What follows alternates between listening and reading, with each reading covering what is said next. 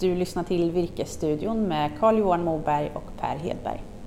Välkomna till Virkesstudion. Jag heter som vanligt Per Hedberg och med mig från Göteborg har jag Carl-Johan Moberg. Men du Per, det ser ut som du sitter ju inte på ditt kontor idag va? Det är för institution du är på? Ja, men jag sitter på institution och jag är hos Skogforsk i Uppsala och det är ju skogsbranschens forskningsinstitut kan man säga och det bidrar både industrin och skogsägarna genom det virke som säljs. Och här drivs projekt på biokrediter, på plantval och mycket andra spännande projekt. Och de jobbar just nu effektivt eller hårt på digitalisering och effektivisering av de skogliga värdekedjorna och där tycker jag att vi på virkesbörsen länkar in på ett elegant sätt. Så därför är jag här idag. Ja, men det är det ju verkligen. Och det, det, det är brett spektra som de har, både från det som du säger, digitala näringskedjorna till kanske plantval och sådana saker. Men det finns ju ganska mycket intressant att läsa på deras eh, webb, eller hur? Kring det. Just plantval har vi pratat om tidigare också. Nej, men det gör det. alltså, går man till skogforsk.se där finns det massor spännande verktyg som man kan botanisera i. Man kan räkna ut hur mycket grot som faller ut en slutavverkning. Man kan kolla skotningsavstånd, optimera skotning och man kan välja planter. Och, ja, det, är, det är en hel djungel man kan gå och botanisera i. Jättekul saker. Och visst känns det lite som att det är så pass mycket grejer men det är ganska få skogsägare som kanske nyttjar det här och tar tillvara. Det ska man verkligen göra. Gå in här som skogsägare och, och lär dig saker för det är en kunskapsbank också. Nej, men det är det jag hoppas att vi på Virkesbörsen kan vara med och vara en kanal för att lyfta ut de här verktygen som verkligen kan skapa ett bra värde för skogsägarna. Och att de kan börja nyttja dem kanske i våra digitala skogsbruksplaner som man hittar på vår hemsida virkesborsen.se. Och man är precis som du sa innan så finansieras det här delvis av skogsägarna också. Så har man betalat för någonting då ska man ju ta del av det också. Och på tal om det så kan man säga att Virkesstudion görs i samarbete med både ATL och med Ludvig och Company. Och de kan man läsa mer på atl.nu eller på ludvig.se. En reflektion, jag var i Växjö förra veckan Carl-Johan. Jag tyckte att jag såg väldigt mycket timmerbilar fullastade som går söderut, men de som går norrut, de går tomma. Ligger det någonting i den här observationen? Det gör det ju. Sen hade man ju hoppats då att det skulle vara eh, de som går norrut, att de tar med massa ved då till, eh, till, till bruken som ligger i norra Östergötland. Eh, men det är väl klart att det här är väl ganska, man kan väl utgå från marknadsläget egentligen på hur det ser ut. För att eh, timret är ju väldigt bra svung på och, och, och, och sågverken i södra Sverige behöver ha råvara. Priset i, i lokalt i Småland man har pratat mycket om den här tusenlappen per FUB. men det hävdar jag är passerat sedan länge med råge. Eh, och det är klart att då tittar de ju precis som vanligt att köpa uppe i eh, Sörmland där det har varit en annan prisbild. Så, så då kör man det. Så därför är de lassen som går ner. Sen kan man ju då fundera och spekulera i varför det inte är massaved på de här lassen då som går norrut utan det är tomme. Det är ju inte speciellt bra att, att det går tomma lastbilar. Men jag tror att det här leder till att det är sånt också sånt svung i, i massamarknaden. Så de bruken som är i södra Sverige behöver ha, de betalar bra. Men sen är det ju också då exporten på massaveden och kanske också på sortiment som, som går att elda då, som, som bidrar till att det inte finns så mycket att köra norrut. Det, okay. känns som att, det känns som att vi har exporterat mycket virke från Sverige, men det har vi också importerat bra priser så att den här det händer ju saker på priserna i Sverige som inte bara drivs av att det är stark marknadsfundamenta på virkesmarknaden utan menar, det är mitt i en lågkonjunktur men virkespriserna bara fortsätter uppåt. Ja, precis. Ja, men så är det ju. Och precis som du säger så har ju exportpriserna drivit med den inhemska marknaden och det växeldrar ju. Om man då tittar på att, att eh, skicka virke på export idag, de exportörerna måste ju inse att Sverige har blivit dyrare att köpa virke ifrån. Och då så kanske det blir lite vakuum med den just nu, men det lovar det kommer ju komma tillbaka. För det stora tappet av volym som finns nere på kontinenten är ju omöjligt att fylla på något annanstans än att gå till norra Europa, hävdar jag. Men det är klart, jag såg några siffror på att tyska avverkningar de ska nog ner någonstans 20-30 miljoner kubikmeter om året. Och jag relaterar det då till de eh, i FUB då kanske någonstans 80 miljoner som vi avverkar i Sverige. Så det, det är stora ska man säga, obalanser i systemet som kommer få stora implikationer på prisbilden också i Sverige. Mm. Ja, men alla gånger. Och då är det ju precis som vanligt som markägare att vara delaktig i det och inte bara sitta passiv. Alltså skogen växer ju när man är passiv. Det är ju ingen snack om saken. Eh, men alltså när det gäller om man ska göra affärer så måste du ju vara med och se vilka är det som betalar bäst just nu och bidra till den här konkurrensen. På samma sätt som nu egentligen den här debatten om matvarupriser. Att många, ja, men det är ju en allmän debatt till och med på regeringsnivå att de stora aktörerna blivit uppkallade på grund av att man tycker att maten har blivit för dyr. Eh, och det är likadant här. Va? Tycker du att du får för dåligt betalt för ett virke, ja men då ska du gå till någon annan aktör än du alltid har gjort. Jag tycker det här återigen också liksom bekräftar virkesbörsens modell där man som skogsägare når både de inhemska aktörerna men också de utländska aktörerna. Så att man når hela marknaden via vår hemsida virkesbörsen.se. Och det, det är väldigt elegant för det finns faktiskt tillfällen där inhemska aktörer betalar bättre än exportörer och vice versa. Mm. Och eh, det här ska man ju då se också som det här är en, möjlighet att göra de här affärer utan onödiga mellanhänder. Alltså så effektivt och transparent som en digital marknadsplats fungerar. Det är ju bara att ta emot som markägare. Du Carl-Johan, jag har lite lätt träningsverk i armen för jag har skottat så mycket snö de senaste dagarna. Kan du ge oss en uppdatering kring tjällossning och vad som händer med vintern och våren? Jag trodde du ville ha från snöläget när, när, när, när våren kom. Jag hävdade ju det att jag köpte vår för ett par veckor sedan när jag betalade vinterns eh, snöröjningsfaktura. Men han, entreprenören, messade mig idag och frågade vad du måste reklamera ditt köp. Eh, men det är ju klart att eh, jag var ju också nere i Småland i veckan och det slog mig att det ju väldigt mycket slutavverkningsmaskiner och gallringsmaskiner som gick längs vägarna. Väldigt vanligt fenomen att man sparar de här posterna som är vägnära eh, att kunna, alltså asfaltsvägsnära för att kunna ta då vid de här tidpunkterna på året. Eh, och det här innebär ju att det är lite svårare att få fram virke, så när har man virke som, är, som ligger så är det ju attraktivt just nu. Eh, går vi och kollar på det här eh, sortimentet eh, brännved och grot.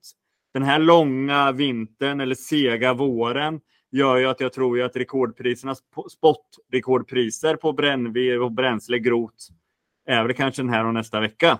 Det tror jag alla gånger. Nu kan du hjälpa oss. Vi får en del förfrågningar från virkesköpare som söker tjällossningsposter. Vi får en del frågor från skogsägare som undrar vad en tjällossningspost är för någonting. Kan du hjälpa oss att bena ut vad det är för någonting till att börja med? Ja, med markförutsättningar och hur bärigheten ser ut. Eh, alltså vad är det så textur? Är det nära till berggrund, grova material i det hela. Alltså det, det håller ju att köra på nära väg, bra eh, skogsbilvägar. Det går ju faktiskt att investera pengar i sina skogsbilvägar som de håller att köra på större delen av året. Eh, men även då vad, vad grundförutsättningar och vad då? En, eh, vad ska man säga, en liten, eh, liten enkel förhållningsregel. Tallposter brukar ju ha bättre bärighet än granposter. Man får ju någon form av tanke kring att om man har en bra tjällossningspost, de kan vara ganska bra att sitta och tjuvhålla på eller ha i ärmen så att säga inför att det kommer de här perioderna det betalas väldigt mycket när industrin har svårt att få fram sitt virke. Ja, och speciellt om man säger så som i södra Sverige och kanske på vissa håll i norra Sverige också, där det är mer en utdragen tjällossning. Kanske en tjällossning som kommer redan i januari fast man inte vill ha det. Och sen så kanske det blir kallt igen och, och sådana bitar. Så att alltid ha lite S i rockärmen som markägare och planera och ta, ta ansvar och äganderätten över din skog. Har du några andra tips och rekommendationer till skogsägarna hur man kan tänka just nu givet marknadsläget och väderläget?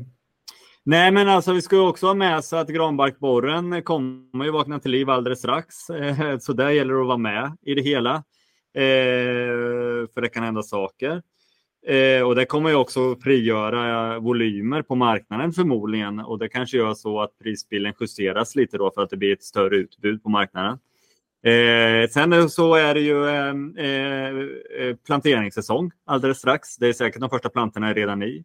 Eh, men här gäller också, har man beställt plantering, ha kontakt med en entreprenör så du vet att de kommer och ligg på där man vill att det ska planteras i god tid innan, innan det blir allt för torrt i markerna och hela den biten. Och sen förhoppningsvis då att markberedningen redan är gjord. Sen tycker jag det är värt att skicka med också att man pratar ofta om att vi har rekordhöga virkespriser och det stämmer bra. Vi har aldrig haft nominellt sett högre virkespriser än vi har just nu.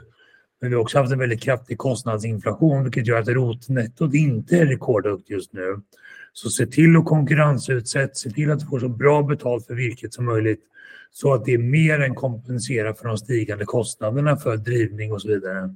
Ja, men precis, det får man inte. Man får ju inte glömma bort det. Och vi står ju också nu i en, eh, i en eh, avtalsrörelse alltså med, med löneförhandlingar. Eh, det är ju frågan också, även de som jobbar i skogen har ju lönejusteringar.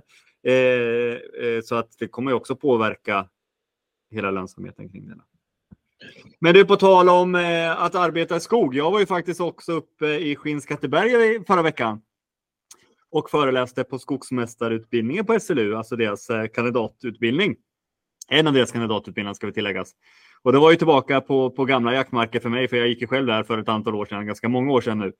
Och det föreläste jag. Men då passade jag på att träffa deras eh, kårordförande som berättade lite om utbildning och varför han valde att gå den här. Så att jag tycker att vi går över till Hampus och eh, ja, vi har samma dialekt. Ja, vi kommer från samma uppväxtort, så vi låter nog ganska lika. Men över dit. Hej, jag heter Hampus Andersson och är ordförande på Skogsmästarskolans i Skinnskatteberg. Eh, jag började här för ungefär eh, åtta månader sedan, tio månader sedan och eh, ja, har arbetat i skogen innan i tio år och kände att jag vill vidare i livet så jag började plugga här. Eh, ja, har inte ångrat en dag än så länge. Jo, varför man ska bli skogsmästare är att man får jobba med en förnyelsebar resurs och allting som händer nu på världsmarknaden och allting gör det här till ett väldigt intressant och viktigt yrke. Uh, helt övertygad om att det här är rätt väg att gå.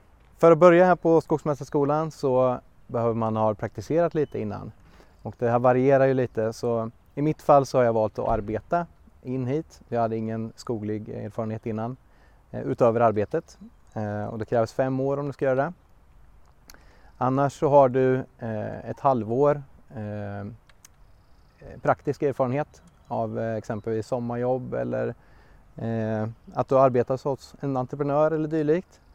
Eh, då måste du ha gått på gymnasienivå, eh, skogligt, skogligt gymnasie.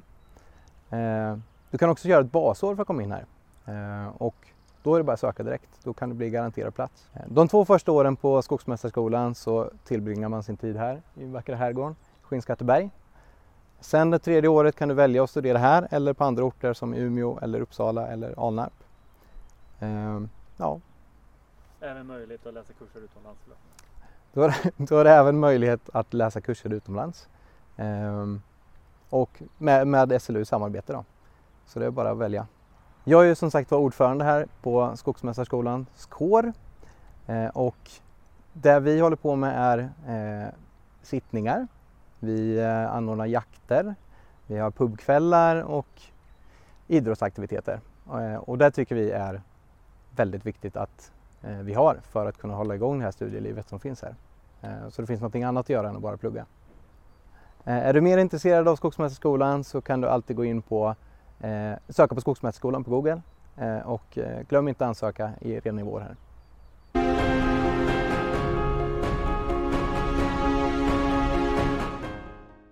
Tack Carl-Johan. Det kändes verkligen som att ni pratade samma språk ni två.